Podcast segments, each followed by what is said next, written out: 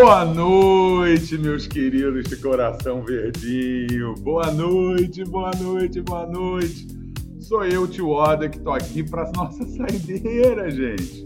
O nosso encontro saideira. Tem noção disso? Eu espero que você tenha gostado desse projeto, né, gente? Projeto de atualidade do Intel. Cara, foi excepcional fazer parte disso. Estou falando mesmo como, como professor, porque é, é legal a gente pensar em temas um pouco fora da caixinha, né? Para fugir um pouco da, daquele nosso cronograma de sala de aula. Hoje eu tenho que falar sobre bioquímica. Hoje eu tenho que falar sobre cadeia alimentar, sobre digestão humana. Não, aqui a gente né, pensou fora da caixa e eu, Adinha, trouxe para vocês aqui várias problemáticas ambientais, várias atualidades relacionadas ao meio ambiente que, sem dúvida, são importantes para a sua formação cidadã. Eu acho que o nosso principal objetivo aqui é esse né? É abrir também a sua mente, fazer você também pensar fora da caixa em relação à temática ambiental, que é extremamente importante, né? importante para a gente, para o planeta, para a sua vida, para os filhos, para os seus netos, mas também importante demais para o vestibular, especialmente para o Enem, uma vez que o Enem ama meio ambiente. Então, espero que você tenha usufruído. Qualquer coisa, comenta aí, tá? Bota aí, pô, a Dinha vai gostar de ler depois, sabe? Se você curtiu o projeto, não curtiu, bota, bota. A gente tem que aprender mesmo, porque para mim foi um orgulho participar. E o que, que a gente tem hoje aqui para nossa saideira? Hoje a gente vai falar de mar. É, de mar. Então, Lu, pode soltar os slides, por favor. Porque uma coisa que eu tenho certeza que todos vocês escutaram falar demais, demais, demais esse ano, foi sobre microplástico.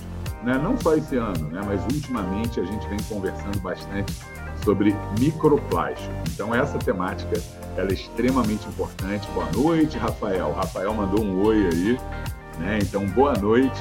E a gente vai trazer aqui um pouco sobre a realidade dos oceanos. Então a gente vai trazer essa temática sobre impactos oceânicos, né? mas com uma ênfase maior no microplástico, haja visto que eu acho que é um tema que, que vem sendo discutido muito né? de forma aí recente. Tá bom? Eu sei que nesse momento muita gente está aí ó, rezando, preocupado com o Enemzinho, com a prova desse fim de semana, que é de humanas. Olha que isso aí também é geografia, hein? Olha que isso aí também é humanas, não é biologia, não pensa que os problemas reais, gente, eles não são de biologia, de história, de geografia. Os, os problemas reais, eles são interdisciplinares, né? transdisciplinares. Eles extrapolam as disciplinas e falar de oceano é exatamente falar sobre isso. E, ó, não sei se você está ligado, mas dá uma olhada nisso aí, ó. Dá uma olhada. A gente está começando 2021 a década dos oceanos para a ONU, a década dos oceanos para a Unesco. Então, vou até ler rapidinho essa notícia, para você ter uma ideia, uma notícia de, desse ano, acho que foi de julho, tá? É, no site da própria Unesco, né, que é o ramo da, da ONU que lida com educação, que fala justamente sobre o ano dos oceanos, sobre 2021. Hoje é o lançamento oficial da década da ciência oceânica para o desenvolvimento sustentável, ó, de 2021 a 2030. No Brasil, proposta pela Organização das Nações Unidas, ONU, para conscientizar a população em todo o mundo sobre a importância dos oceanos e mobilizar atores públicos, privados e da sociedade civil organizada em ações que favoreçam a saúde e a sustentabilidade dos mares. A iniciativa terá no país uma série de eventos online nos próximos três dias, TEI, para incentivar, blá, blá, blá, blá, blá. No Brasil, o planejamento das ações para a década é liderado pelo Ministério da Ciência, Tecnologia e Inovação, MCTI, lá do nosso querido Marcos Pontes, né, do nosso astronauta brasileiro, representante científico da Comissão Oceanográfica Intergovernamental da Unesco, juntamente com o escritório, plá, plá, plá, plá, plá, plá, plá. Ó, em todo mundo, a década do oceano pretende mobilizar cientistas, gestores, políticos, sociedade, a proteger o oceano. E aí, olha que importante que apesar de cobrir 71% da superfície do planeta, é pouco conhecido, pouco conservado, e eu diria que hoje está virando meio que a lata de lixo do planeta. Concorda? Se você pensar a quantidade de lixo que a gente joga, o esgoto, gente, para onde que vai nosso esgoto? Vai para o oceano. Né? Então virou assim a lata de lixo, o sumidouro do planeta. E é óbvio né, que com a população humana do tamanho que está, as consequências disso sabe, são imensas. Algumas delas a gente vem sentindo de fato a curto prazo, mas eu ouso dizer que a médio prazo, longo prazo, as consequências podem ser terríveis, né? Podem ser de fato horripilantes. Beleza? Buenas, ó, segundo o relatório publicado pela Organização Oceanográfica é, Intergovernamental da Unesco, em 2019, apenas 1% dos oceanos nacionais para pesquisa, não, 1% dos orçamentos nacionais para pesquisas é direcionado para a ciência oceânica. Estima-se que somente 19% do fundo do oceano já foi mapeado, já foi catalogado. Isso muita gente fala, né? Muita gente fala, 19% catalogado. Olha, a gente conhece muito mais sobre a superfície da Lua do que sobre o fundo dos nossos oceanos. Você já deve ter ouvido falar sobre isso. E eu acho que de fato é verdade. Tá? De fato é verdade. Então, tem muita espécie para ser descoberta, tem muita substância química para ser descoberta, tem muito potencial a ser explorado. Né? E, de novo, a gente vem transformando isso, todo esse potencial, numa imensa lata de lixo, num imenso esgotão. Né? Então, é óbvio que a gente tem que se preocupar bastante. Tudo bem? Bom, para a gente discutir até mesmo sobre os impactos do microplástico e outros problemas oceânicos, é importante que você tenha ali uma basezinha, uma basezinha biológica, tá? Sobre quais são os componentes do oceano, sabe? Qual a importância do oceano na nossa vida. Então é isso que a gente vai fazer, ó, nos próximos slides, tá? Primeiro vamos falar sobre os principais componentes do oceano e aí depois a gente pensa um pouco na sua importância para que depois a gente possa entender o dedo podre do homem, o que é que o homem vem fazendo no oceano. Buenas. Quando a gente pensa aqui no oceano, a gente pensa, né? Tanto na camada de água quanto na superfície né, continental que se estende ali para o leito oceânico. Então, observa que essa camada de água aqui do oceano é a chamada zona pelágica. Zona pelágica, tá? Que mais próximo do continente, sobre a chamada plataforma continental. Ela é chamada de zona nerítica, maravilha. Normalmente, essa zona nerítica, essa plataforma continental, ela se estende por 200 milhas náuticas. Isso é importante, tá? Porque a fins de território, o território do Brasil, ele se estende 200 milhas a partir da nossa costa, beleza? Então, até 200 milhas, lá é Brasil. Ultrapassadas essas 200 milhas, salvo exceções, né? tipo ah, arquipélago de São Pedro e São Paulo, sabe que está distante, mas é considerado território brasileiro, salvo essas exceções, essas zonas oceânicas, elas são áreas internacionais, o que até muitas vezes dificulta o controle, né, sobre pesca, sobre, por exemplo, piratas. Você sabe que piratas existem, né? Não sei se você já viu a, aquele filme Capitão Phillips, né? Que ali na costa africana tem um monte de pirata que sequestra navio, rouba, etc. Então, e aí, quem controla essa área oceânica se é uma área internacional? Né? Então, é um aspecto até muito difícil de ser controlado. E aí, observa, gente, que em função da, da profundidade, quando a gente pega simplesmente os metros de profundidade, essas áreas elas são divididas ó, em epipelágica, que vai até 100 metros, mesopelágica, que vai até 1.000, depois bate-pelágica, abissopelágica, que é a famosa zona abissal, e as áreas mais profundas mesmo são as zonas adais, tá? Podem ter mais de 10 mil metros de profundidade. 10 mil metros, é muita coisa. 10 quilômetros de profundidade, tá bom? Para a biologia, o que, o que é importante aí, né? O que, que você tem que saber disso para a biologia? Eu acho importante que você entenda que aqui na zona epipelágica é onde vai chegar uma maior intensidade de luz, suave, uma maior intensidade luminosa. E como chega uma maior intensidade de luz aqui em cima, a fotossíntese né, dos oceanos ela vai estar concentrada especialmente ali em cima. Ela vai estar concentrada especialmente nessa zona epipelágica, beleza? É, essa zona que recebe mais luz, em termos, em termos biológicos, a gente chama de zona eufótica. Por que zona eufótica? Eu é verdadeiro, beleza? Foto é luz. Então, essa zona eufótica é uma zona verdadeiramente iluminada. Tem luz pra caramba e pode ter fotossíntese rolando ali de boa. Agora, quando a gente chega nessa zona até mil metros, você até pode ter luz ali, mas vai ter uma luz mais difusa, gerando uma zona que é chamada zona disfótica, que até pode ter fotossíntese, povo, mas a fotossíntese aqui na disfótica vai ser uma taxa de fotossíntese bem baixinha, suave.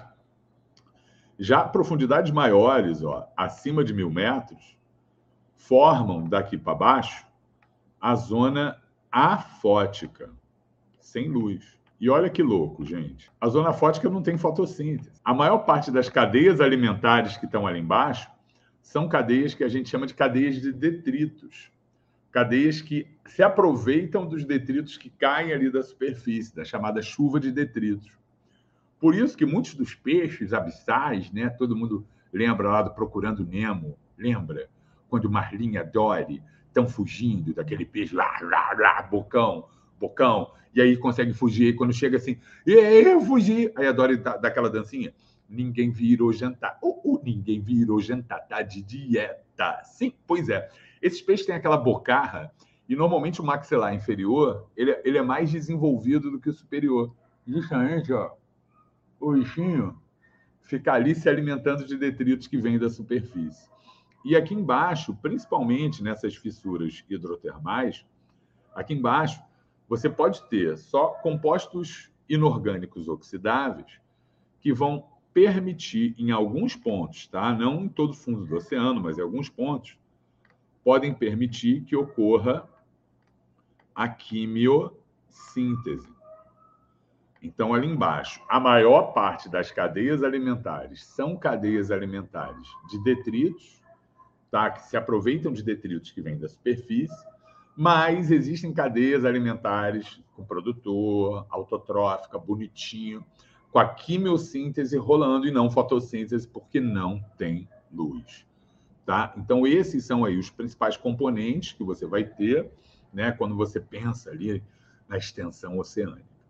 Quando a gente vai agora, ó, para os seres vivos, quando a gente vai pensar nos seres vivos, os seres vivos do oceano, e aí nem só do oceano, tá? Mas dos corpos de água doce também, eles podem ser divididos em três grandes grupos. Você já deve ter ouvido falar de plâncton, de nécton, de bentos. Plâncton, com certeza. Com certeza. O plâncton que quer roubar o hambúrguer de Siri do ser siriguejo lá do Bob Esponja. O que é o plâncton, gente? São seres microscópicos que vivem ó, ao sabor das correntes. Seres microscópicos que são arrastados pela correnteza, beleza? Eles são divididos em dois grandes grupos que você já deve ter ouvido falar em fitoplâncton, que são alguinhas, né?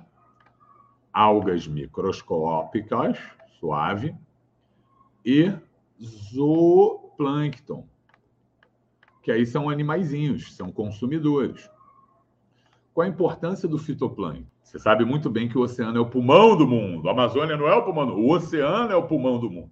E se o oceano é o pulmão do mundo, o fitoplâncton é o alvéolo pulmonar, tá ligado?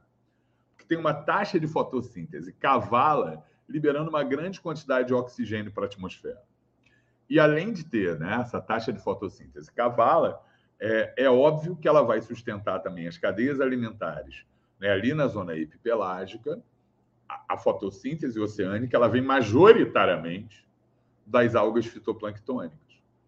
Agora, o zooplâncton, larvas, microcrustáceos, eles se alimentam do fitoplâncton, né? vão ser ali os consumidores primários mais abundantes no oceano. Beleza? Então, ó, plâncton, microscópicos arrastados pela correnteza. Nécton, quem são os seres nectônicos? Olha lá, esse peixinho, ó, esse sargentinho, o nome desse peixinho, que não sei se já foi, né, para ah, Porto de Galinhas, Ilha Grande. O pessoal sempre joga ali miolinho de pão, os sargentinhos fazem a festa. O nécton são seres macroscópicos que estão nadando para um lado e para o outro. Ah, é o peixe, a baleia, é o golfinho, A lula, que fica nadando para um lado e para o outro, são seres do néctar, macroscópicos livre natantes. E os seres do bentos ó, são aqueles que estão associados ao substrato. Podem ser aqueles que são fixos ou móveis, mas sempre ali sobre aquele fundo arenoso do mar, ou pode ser ali ó, sobre aquele fundo rochoso do oceano. Então, uma estrela do mar, algas incrustantes, mexilhão, ostras, recifes de coral, né, gente? Tão importantes. São seres bentônicos, são seres que vivem ali associados ao substrato. Beleza? Bom, qual a importância? Ó? Qual a importância? Para que servem os oceanos? Por que, que a gente tem que se preocupar com os oceanos? Óbvio que, que você já pensou e, e só, a gente só está aqui né, elencando de forma clara, sistematizando essa importância oceânica. Porque aqui, como a Odinha já falou, mais de 50% do oxigênio da atmosfera vem da fotossíntese dos oceanos. E é óbvio que se ele é muito fotossintetizante, além de liberar o O2 para a atmosfera, ele absorve CO2 da atmosfera. Ora, por que, que o CO2 nos preocupa? Acho que em todas as aulas que eu dei aqui para vocês, né, todos os nossos encontros, a gente falou de efeito estufa, a gente falou de superaquecimento global. Então, sem dúvida, a atividade do fitoplâncton, essa atividade fotossintética, fotossintetizante, por um lado, libera oxigênio, garante alimento para as cadeias alimentares aquáticas, e por outro, é um imenso dreno de gás carbônico, garantindo assim o combate ao efeito estufa. Olha que importante. Beleza? O oceano cobre cerca de 70% do planeta e acaba regulando o clima. Lógico, gente, lógico regula em relação às chuvas, que é esse que está aí do meio, já já a gente vai falar. O oceano tem como principal componente a água, que você deve ter aprendido na aula de física, na aula de química, na aula de biologia, que a água tem um alto calor específico. E tendo um alto calor específico, ela vai meio que diminuir as variações de temperatura do nosso planeta. Se os oceanos eles fossem feitos de metal, né, difícil de conceber, mas né, se os mares fossem de ferro, de alumínio, durante o dia, imagina, cara, temperatura ia lá para o alto. Durante a noite, cair para caramba, congelar tudo. Por quê? Porque os metais eles têm um baixo calor específico. Então, sendo os mares né, compostos majoritariamente por água, que tem um alto calor específico, isso ajuda a equilibrar a temperatura do planeta. Importante, né? Ó, alimento, gente prover proteína para 3,3 bilhões de pessoas. Adoro comer um peixinho. Adoro comer um peixinho. Um sirizinho, um camarãozinho, uma lagoa. Boa, pô, me deu até fome agora. Né? E, e, cara, a gente vai falar sobre isso na aula de hoje. A pesca vem sofrendo uma crise tremenda. Não sei se já ouviu falar, mas há uma crise imensa na pesca que vem sendo determinada não só pela poluição, mas pela sobrepesca. A gente tem que alimentar cada vez mais gente e aí, assim, a gente vem depauperando os estoques pesqueiros do oceano, beleza? Tem uma mega biodiversidade, especialmente em algumas áreas especiais, como os recifes de coral, zonas de ressurgência, estuários, tá? São áreas que normalmente são muito biodiversas. E a importância para o ciclo da água, né? Porque, ó, cada gota d'água que você bebe, cada vez que respira, você vai estar sempre conectando com o oceano, não importa o lugar da Terra que você vive que a gente usa o oxigênio, que em grande parte vem do oceano, e essa massa d'água imensa do oceano, né, evaporando, gera, de fato, uma umidade atmosférica, umidade que abastece os continentes, garantindo a pluviosidade dos continentes. Então é muita coisa, né, gente? É muito importante. E, e a gente vem destruindo.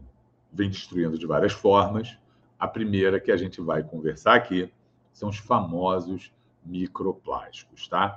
Eu botei logo de início aí, acho que uns duas ou três notícias, tá? Para falar do microplástico. Primeira que a gente tem, ó, agora é de novembro de 2021, beleza? Jornal O Povo do Ceará. pesquisador que integrou a maior expedição para estudar o microbioma oceânico cobra atenção a impactos da poluição e mudanças climáticas na vida marinha. Mares respondem por 54% do oxigênio do planeta, é fácil compreender a importância dos oceanos para a vida na Terra. Além de regularem o clima do planeta, as algas também liberam oxigênio, isso já foi dito. Embora os mares exerçam esse papel vital, ainda não recebem a devida atenção nas mesas de negociação do clima. Essa é a avaliação do cientista Hugo Sarmento, pesquisador da Fundação Francesa Tara Ocean. Precisamos de uma COP só para os oceanos. Vocês sabem né, que a gente teve agora a COP, né, a Conferência do Clima, e pouco foi decidido, né? pouco foi, foi de fato implementado. Se discute muito, mas se decide pouco. E no que diz respeito aos oceanos, não vai ser diferente. Já estamos em tempo de pensar numa coisa assim, porque as problemáticas são muitas e diferentes dos ecossistemas terrestres. Sarmento fala conhecimento de causa, o cientista português participou da primeira volta ao mundo realizada pelo navio Tara Ocean, que tchá, tchá, tchá, tchá, tchá, tchá, tchá. Beleza? Mais uma, ó. Olha outra aí lá de Portugal, sem um jornal português, beleza? Navio português em operação de controlo, controlo, lá é o controle, de microplástico em Cabo Verde. Iniciativa Mar Aberto pretende contribuir para o conhecimento situacional marítimo, desenvolvimento científico, segurança, tchutchu. Então, além de fazer pesquisa, esse navio também ele, ele vai coletando microplástico. Muito maneiro, muito maneiro. Como uma forma de tentar diminuir o impacto disso. E não só um navio. Primeiro submarino movido a energia limpa recolhe microplástico do oceano. Então, observa né, que existem sim algumas iniciativas que são iniciativas pontuais de tentar controlar esse impacto, né, ou de tentar combater esse impacto. Agora, de novo, essas iniciativas são iniciativas pontuais. Sabe, o que, que um submarino coleta de microplástico? O que, que um navio coleta de microplástico? E qual a quantidade que a gente joga de plástico né, no oceano todo dia, gente? Né? Então, acho que são mais exemplos né, de iniciativas que estão sendo feitas, mas que isso, isso é, é um dos princípios básicos de desenvolvimento sustentável. Gente. O, o país mais limpo não é aquele país que mais coleta lixo, que mais limpa. É aquele que menos gera lixo, é aquele que menos polui. Não é? É, é, é muito mais lógico você controlar a chegada do lixo no oceano do que você investir ali milhões, bilhões de dólares na retirada de lixo do oceano. Então, sem dúvida, a discussão maior tem que ser sobre o uso desse plástico, né, que vai gerar os microplásticos, já já a gente vai falar suas fontes, para que, de fato, a gente diminuindo o uso de plástico, a gente não precise ter tantos investimentos nesse sentido, né, tantos investimentos no combate ao microplástico oceânico. De boa? Bom, o que, que são eles, né? Eu diria que isso aqui é, já está até grande mas é só para você ter uma ideia de que os plásticos eles podem se fragmentar, gerando partículas pequenininhas, ó, menores do que 5 milímetros. Eu acho que essa bolinha aí já tem mais de 5 milímetros, mas é, sabe, muito, muito, muito pequenininho. De onde que vem o microplástico? Roupas. Muitas roupas são, usadas, são produzidas a partir de fibras sintéticas. E aí, olha que interessante. Por exemplo, eu, eu já usei blusa de garrafa PET. Eu até participei de um projeto do Intel, tem uns 10 anos, chamado Pense Verde, em que foram feitas blusas de garrafa PET, que é maneiro, né? Uma forma de reciclagem. Mas, por outro lado, há o desgaste dessa roupa que gera o microplástico. E aí, quando você lava né, essa blusa lá na tua máquina de lavar, isso gera fragmentos de microplástico que, em última instância, vão parar no oceano. Então, por mais que a reciclagem seja interessante, isso aí vai gerar um outro tipo de problema, tá ligado? Complicado. Alguns cosméticos usam plástico, glitter, né, cara? É horrível. Gera pequenos fragmentos de plástico, tanto que houve um movimento, né, de alguns anos para cá, de produção de glitter biodegradável. Já, já viram isso? Né? Tipo um bioglitter para você evitar esse tipo de impacto, beleza? Embalagens, pneus, copos, pellets. O que, que são pellets? Eu acho que depois tem alguma imagem de pellet. Pellets, como o nome diz, são pelotas, né? Pelotas. Que muitas vezes são pelotinhas de plástico, tipo de, de PET, de polietileno, que são transportados justamente para que essas pelotas possam ser utilizadas depois para fabricar garrafa, para fabricar saco plástico.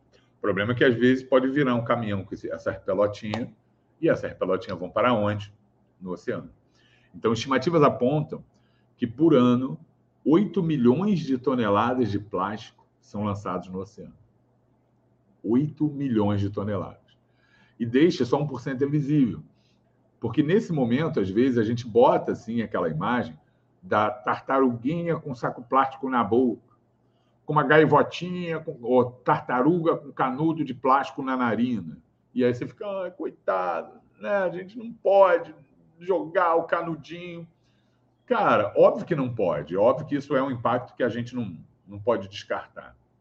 Mas é só para mostrar que quando você vai a uma praia e vê uma porrada de plástico lá, o que você está vendo é 1% do plástico que está no oceano.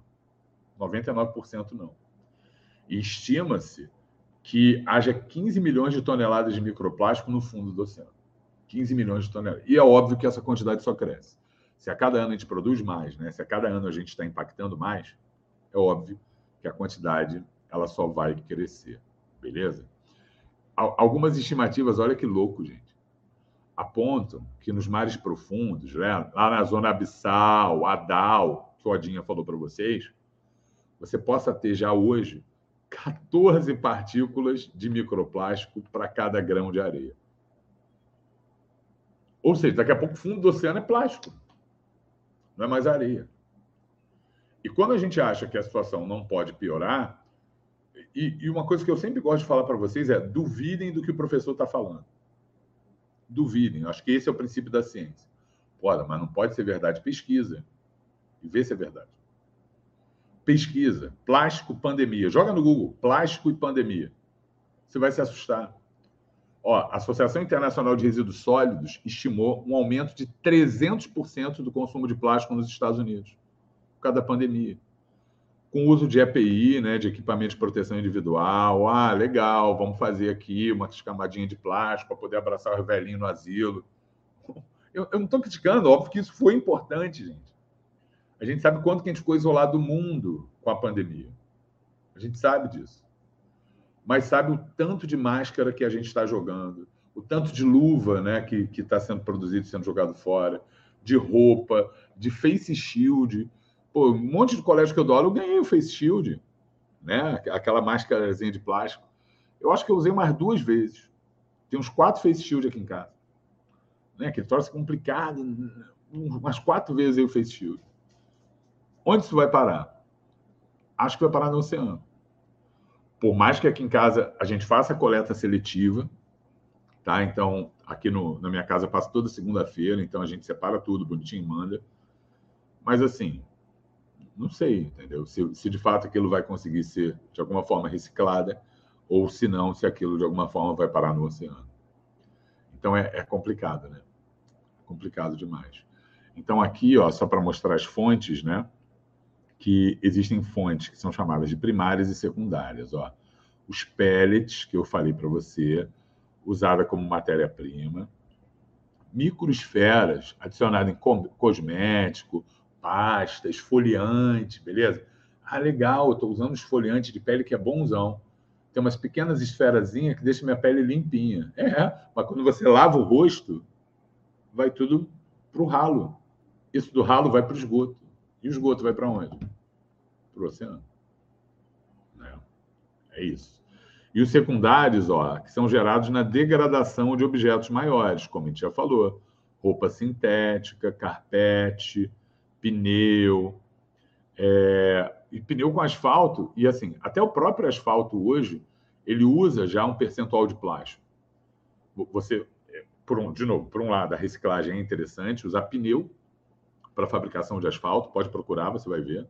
Mas, por outro lado, isso também gera desgaste, gera pequenas partículas que vão parar nos oceanos. Garrafas, sacolas, resíduos plásticos, ó, material empregado em cultivo, como estufa, tela de sombreamento. Em termos de, percentual, observa que o maior é têxtil, ó, que vai parar no oceano. Fonte UICN, União Internacional para a Conservação da Natureza de 2019. 28% pneu, 24% pó das cidades, e aí sinalização marítima, revestimento marinho, higiene pessoal, grano de plástico. Né? Então, não tem muito o que fazer. E aí, mostrando um pouco do ciclo, né? desse ciclo do microplástico, até chegar lá, até chegar no oceano, Né? Eu acho que essa imagem é bem legal, porque essa imagem. Qualquer dúvida é só perguntar, tá, pessoal? Estou olhando aí para o chat toda hora. Qualquer dúvida é só mandar. E aí observa, cara, que aqui a gente vê que não tem muito como fugir, né? Tem muito como solucionar. Porque, pô, legal, a gente está usando pneu, um asfalto, né? Usando reciclagem de pneu, mas isso vai gerar microplástico que vai para o mar. Descarte direto no mar, isso dá para reduzir. Eu acho que é isso que a gente tem que fazer, entendeu? Enxergar o que pode reduzir. Aplicações médicas, partículas da casa, ó, olha aqui, a máquina de lavar vai parar. É tentar de alguma forma eu bem vi, pô, essa notícia seria legal de trazer aqui. Que teve uma aluna de ensino médio do Brasil que ganhou um prêmio internacional nessas feiras, sabe, de, de ciências, que ela conseguiu desenvolver um filtro na passagem da água de esgoto. Então, filtro de retenção de microplástico. Uma aluna de ensino médio. Bom, é, já foi comprovado que microplástico pode obstruir vias digestivas e respiratórias humanas de novo, do vídeo do que o Otto está falando, pesquisa, você vai ver que algumas pesquisas apontam que nós já temos uma quantidade elevada de microplástico no nosso pulmão. Elevada de micro, microplástico nas nossas fezes, gente. A gente caga microplástico. Está em tudo quanto é lugar. E não se sabe, a médio e longo prazo, que tipo de impacto esse microplástico ele vai gerar à saúde humana. O zooplâncton ele confunde o microplástico. Olha que louco. Ele confunde o microplástico com uma alguinha do fitoplâncton e come. O zooplâncton come microplástico. E aí, olha que interessante. Esse artigo aqui, ó, da Nature, 2021, o pastejo do zooplâncton de microplástico pode acelerar a perda global de oxigênio. Por quê? porque como ele começa a comer demais o microplástico, isso altera a ciclagem de nutrientes no oceano. E alterando esse ciclo biogeoquímico dos nutrientes, é muito louco, isso pode diminuir a taxa de fotossíntese.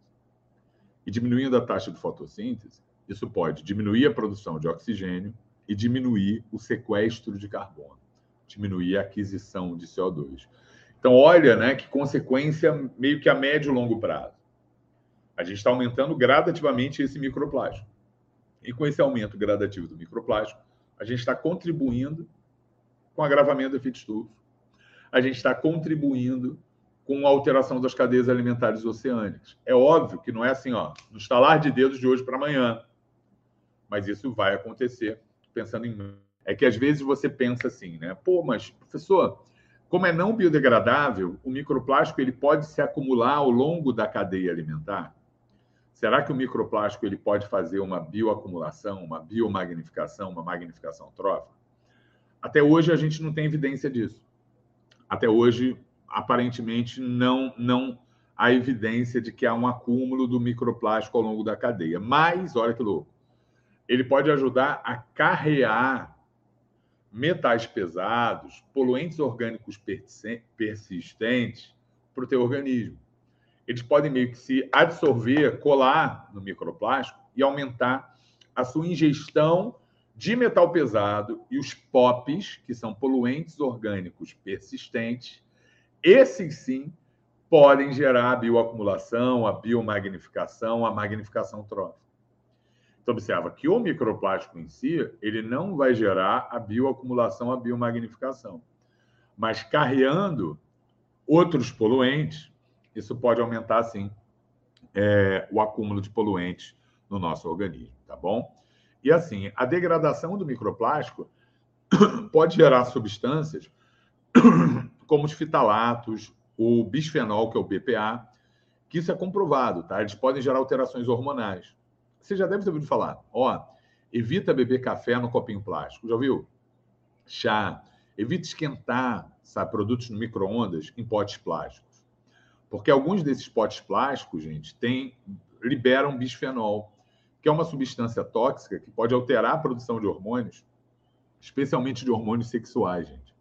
Alterar a produção de estrogênio, progesterona, testosterona, e podem até aumentar a quantidade de estrogênio, por exemplo, no homem, no sexo masculino.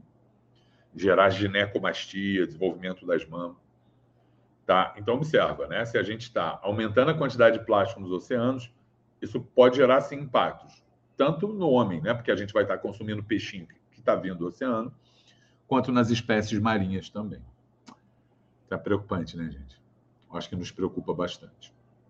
Vamos falar agora de um segundo impacto, que eu já meio que dei o um spoiler que eu ia falar sobre isso com vocês, que é a sobrepesca. Porque, assim, de novo, eu adoro comer um peixinho. Pô, um peixinho frito, adoro. Uma muqueca, uma manjubinha. Mas chega uma hora que pode acabar. Né? A gente sempre tem a ideia que ah, o mar é muito grande. É uma fonte inesgotável de proteína. Mas, assim, tem várias evidências que mostram que não, tá? Que mostram que não. Vamos dar uma olhada aí nas reportagens. Ó.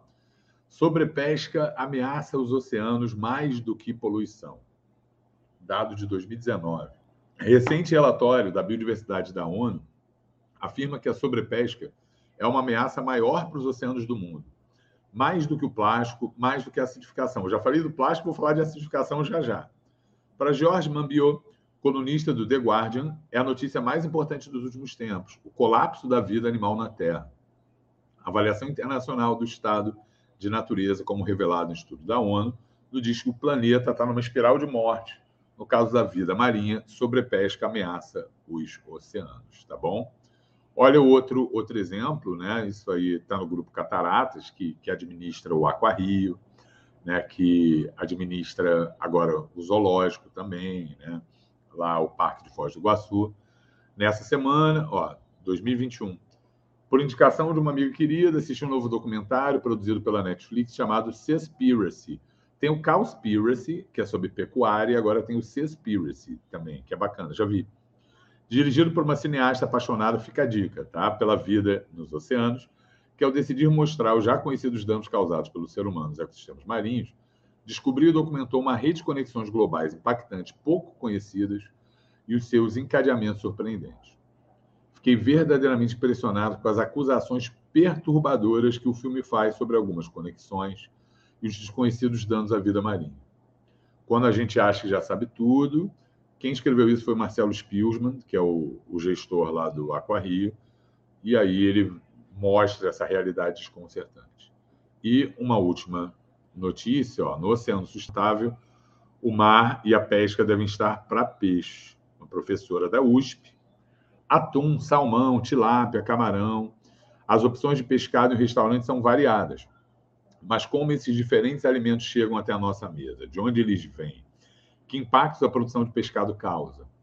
O pescado, que compreende os peixes marinhos de águas interiores e os frutos do mar, principal fonte de proteína, blá, blá, blá.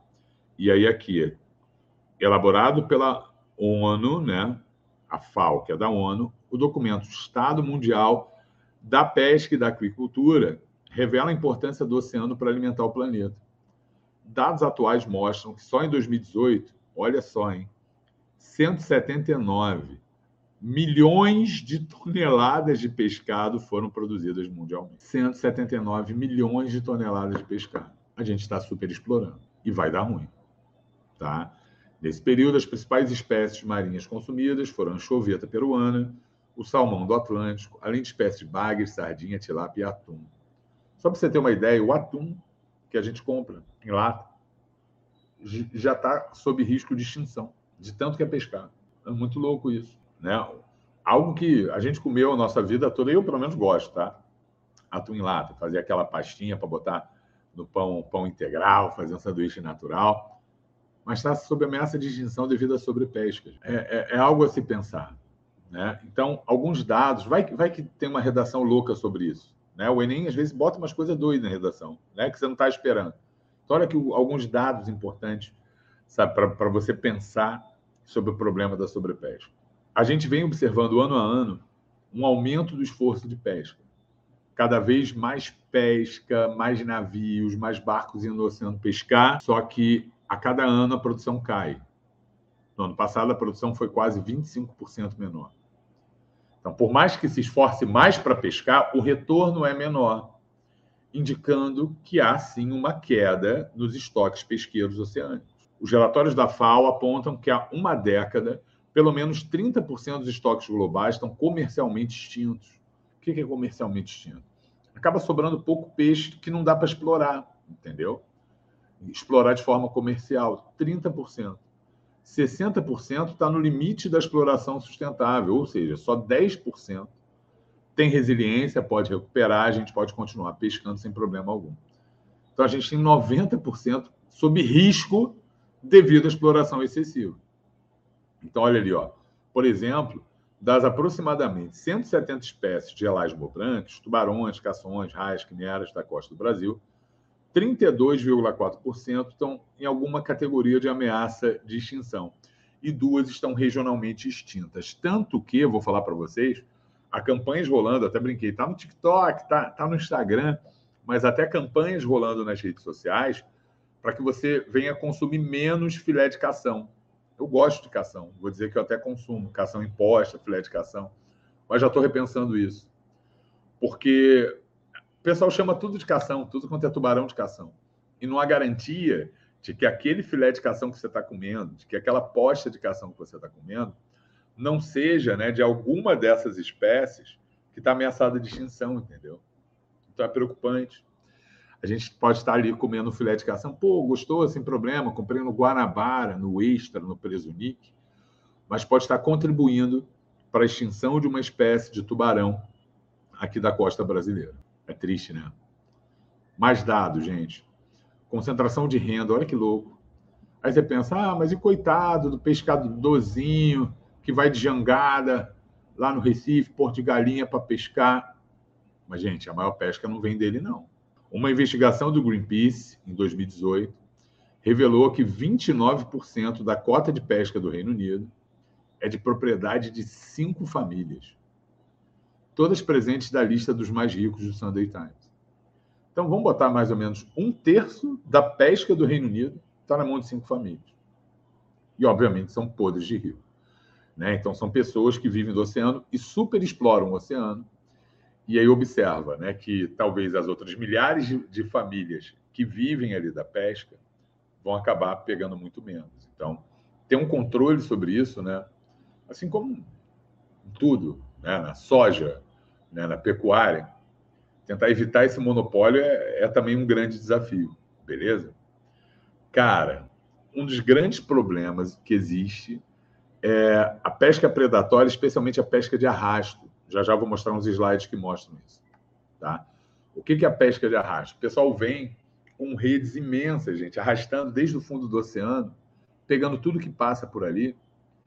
E aí, muitas da, dos indivíduos, das espécies coletadas, às vezes morrem, eles jogam fora, porque não tem valor econômico. Então, em vez de atacar seletivamente, né, numa dada espécie de peixe que ele, de peixe que ele vai comercializar, ele acaba atacando né, de forma mais generalista. Pega um monte de. Às vezes nem peixe, gente. Estrela do mar, sabe? Coisa que ele vai jogar fora, gerando um mega impacto na biodiversidade do oceano. Tá bom? É... Piscicultura costeira. O que é piscicultura? Criação de peixe. O Brasil vem criando cada vez mais peixe. Legal, criar peixe. A gente vai impactar menos, de fato, né, nas espécies de peixe que estão no oceano. Agora, muito da piscicultura costeira, na criação de peixe, você usa justamente farinha de peixe na ração para poder alimentar os peixes que você está produzindo. Então é meio que um efeito bola de neve. Ah, legal, eu estou criando peixe, eu impacto menos. Mas não se você vai dar para esse peixe farinha de peixe que é produzida a partir de um peixe que é pescado no oceano. Entende? Então, a piscicultura costeira pode ser uma alternativa? Pode, mas vamos tentar controlar também a alimentação desse peixe para que a gente não, não gere ele uma bola de neve, que, ah, não, eu vou criar mais peixe, mas para criar mais peixe, eu tenho que pescar mais peixe para poder alimentar o peixe que eu estou criando. Beleza? E como eu falei no início da nossa live, um problema gigante é o alto mar, né? Porque o alto mar é terra de ninguém. Além das 200 milhas, é terra de ninguém. E aí, gente, é louco. Tem navio japonês, navio chinês que vem pescar aqui no Brasil na costa brasileira, além das 200 milhas. Está tendo agora uma treta imensa, pode pesquisar. Essa semana eu vi uma notícia de pescadores ingleses, né? Porque como, como a Inglaterra teve o Brexit, né? Saiu da União Europeia, agora há uma disputa sobre quem pode pescar, quem não pode pescar. A Inglaterra não pode mais ultrapassar esse limite para poder pescar, que vai acabar entrando na água da Noruega, da Dinamarca, da Irlanda. É isso. Então vai para o alto mar, que aí o alto mar é terra de ninguém, né? Mas é, os impactos são os mesmos, né? Os impactos, eles, sem dúvida, eles continuam a acontecer, tá bom? Deixa eu só ver se tem alguma dúvida aqui, algum comentário. Não, tá tudo suave. Tocamos em frente. Dá uma olhada aqui, ó. Na rede de arrasto, como eu disse, vai pegando tudo que tem do fundo, gera um mega impacto. E no sul do Brasil, no Rio Grande do Sul, havia uma lei que proibia a pesca de arrasto. Maneiro, maneiro. Né? E até os pescadores lá da região, eles defendiam, porque sabiam que isso estava impactando muito a produtividade pesqueira do local. Porque você pesca muito hoje, amanhã, daqui a três, quatro anos, não tem mais nada para você pescar. O problema é que Nunes Marques, né, o mais recente ministro do STF, derrubou a lei que proíbe a pesca de arrasto na costa do Rio Grande do Sul. Por quê? Ele alegou que isso não é uma lei estadual, que a pesca ela tem que ser é, administrada, regulada no âmbito federal. E aí, com isso, a pesca de arrasto está voltando e há uma briga até muito grande entre Rio Grande do Sul e Santa Catarina sobre quem tem direito de pescar, quem não tem direito de pescar, os impactos disso. É isso, entendeu? Então, se por um lado há iniciativas que, que vão tentar promover a conservação da biodiversidade e da produtividade pesqueira, por outro lado, há iniciativas que vão pensar muito mais no momento, no imediato, né? E, e aí a consequência vai vir a médio e longo prazo, tá? Odinha, qual seria então a alternativa? Algumas alternativas, né? É tentar fazer uma pesca mais seletiva, baseada na idade, pegando as espécies, os indivíduos, perdão, que já, já estejam com uma idade mais avançada, em sexo, por exemplo, tentar pegar mais macho do que fêmea, soltar as fêmeas, ovadas, principalmente. Usar espécies mais comuns, mais abundantes, né, que, que não estejam ali no limite da extinção. Preservar a época de defesa. O que é época de defesa? É a época da reprodução. Ó. Proibida a pesca do camarão, de 1 de março a 31 de maio. Por quê? Porque é a época da reprodução. Pescar na época da reprodução é uma burrice. Ah, mas o que, que pescador vai fazer nessa época? Cara, arruma uma outra fonte de renda ou acumula né, na época em que você pode pescar. Se você seguir pescando na época de reprodução, daqui a 5 anos, 10 anos, você não vai ter nada para pescar. Então, você tem que ter a proibição de pesca na época que aquela, aquela galera, que aquelas espécies estão reproduzindo. E quem sabe desenvolver selos sustentáveis, né, que mostrem, ó, ah, olha só, pesca sustentável certificada, MSC, tá vendo? que tenham pescados com essas, esses selos que mostram que eles respeitam as cotas pesqueiras, a época de tentar criar selos que indiquem aqueles produtos que de fato sejam mais sustentáveis. Beleza? Bom, gente, para a gente fechar, a gente chega no, no, último impacto, que é a acidificação dos oceanos. Né? Isso já caiu no Enem, tá? Já caiu no Enem. Olha aqui um artigo da COP, da UFRJ. Acidificação dos oceanos, um grave problema para a vida no planeta.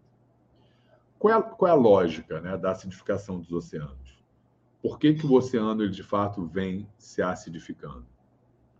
Só, aqui tem a descrição, mas a gente vai ver melhor no próximo slide. Ó.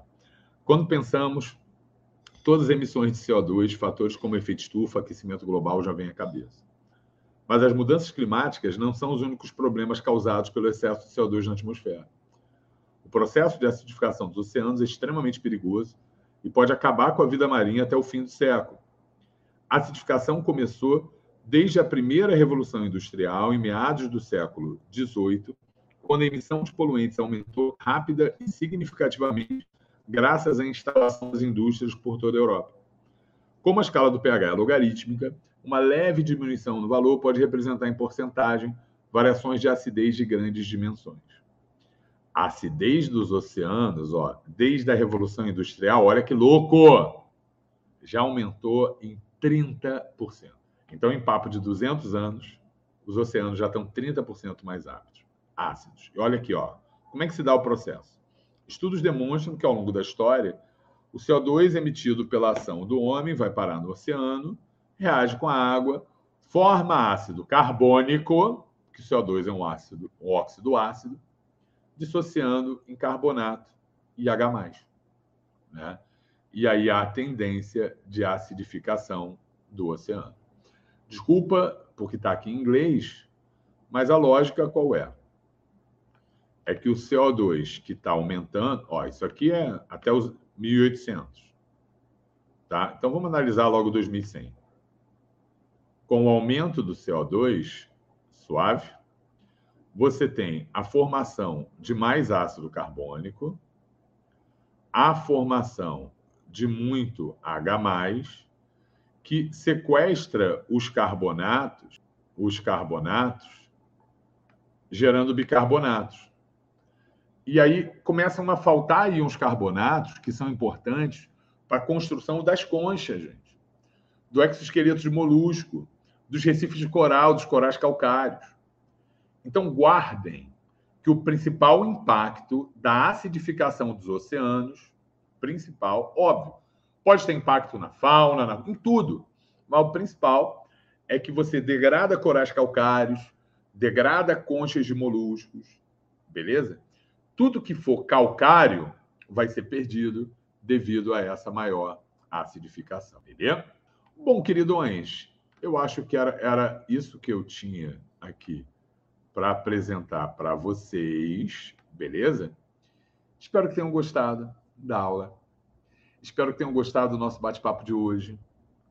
E espero que você tenha gostado do projeto, gente. Porque, mais uma vez, eu tenho orgulho do Intel ter trazido, sabe, tanto a parte de saúde, de geopolítica, de finanças, quanto, óbvio, a minha praia de meio ambiente, para ser discutido aqui em sala de aula, tá?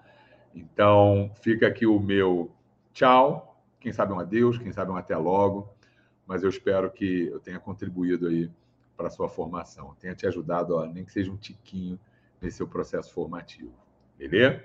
Então, um beijo no coração de todos, até a próxima, tchau, tchau, valeu, gente.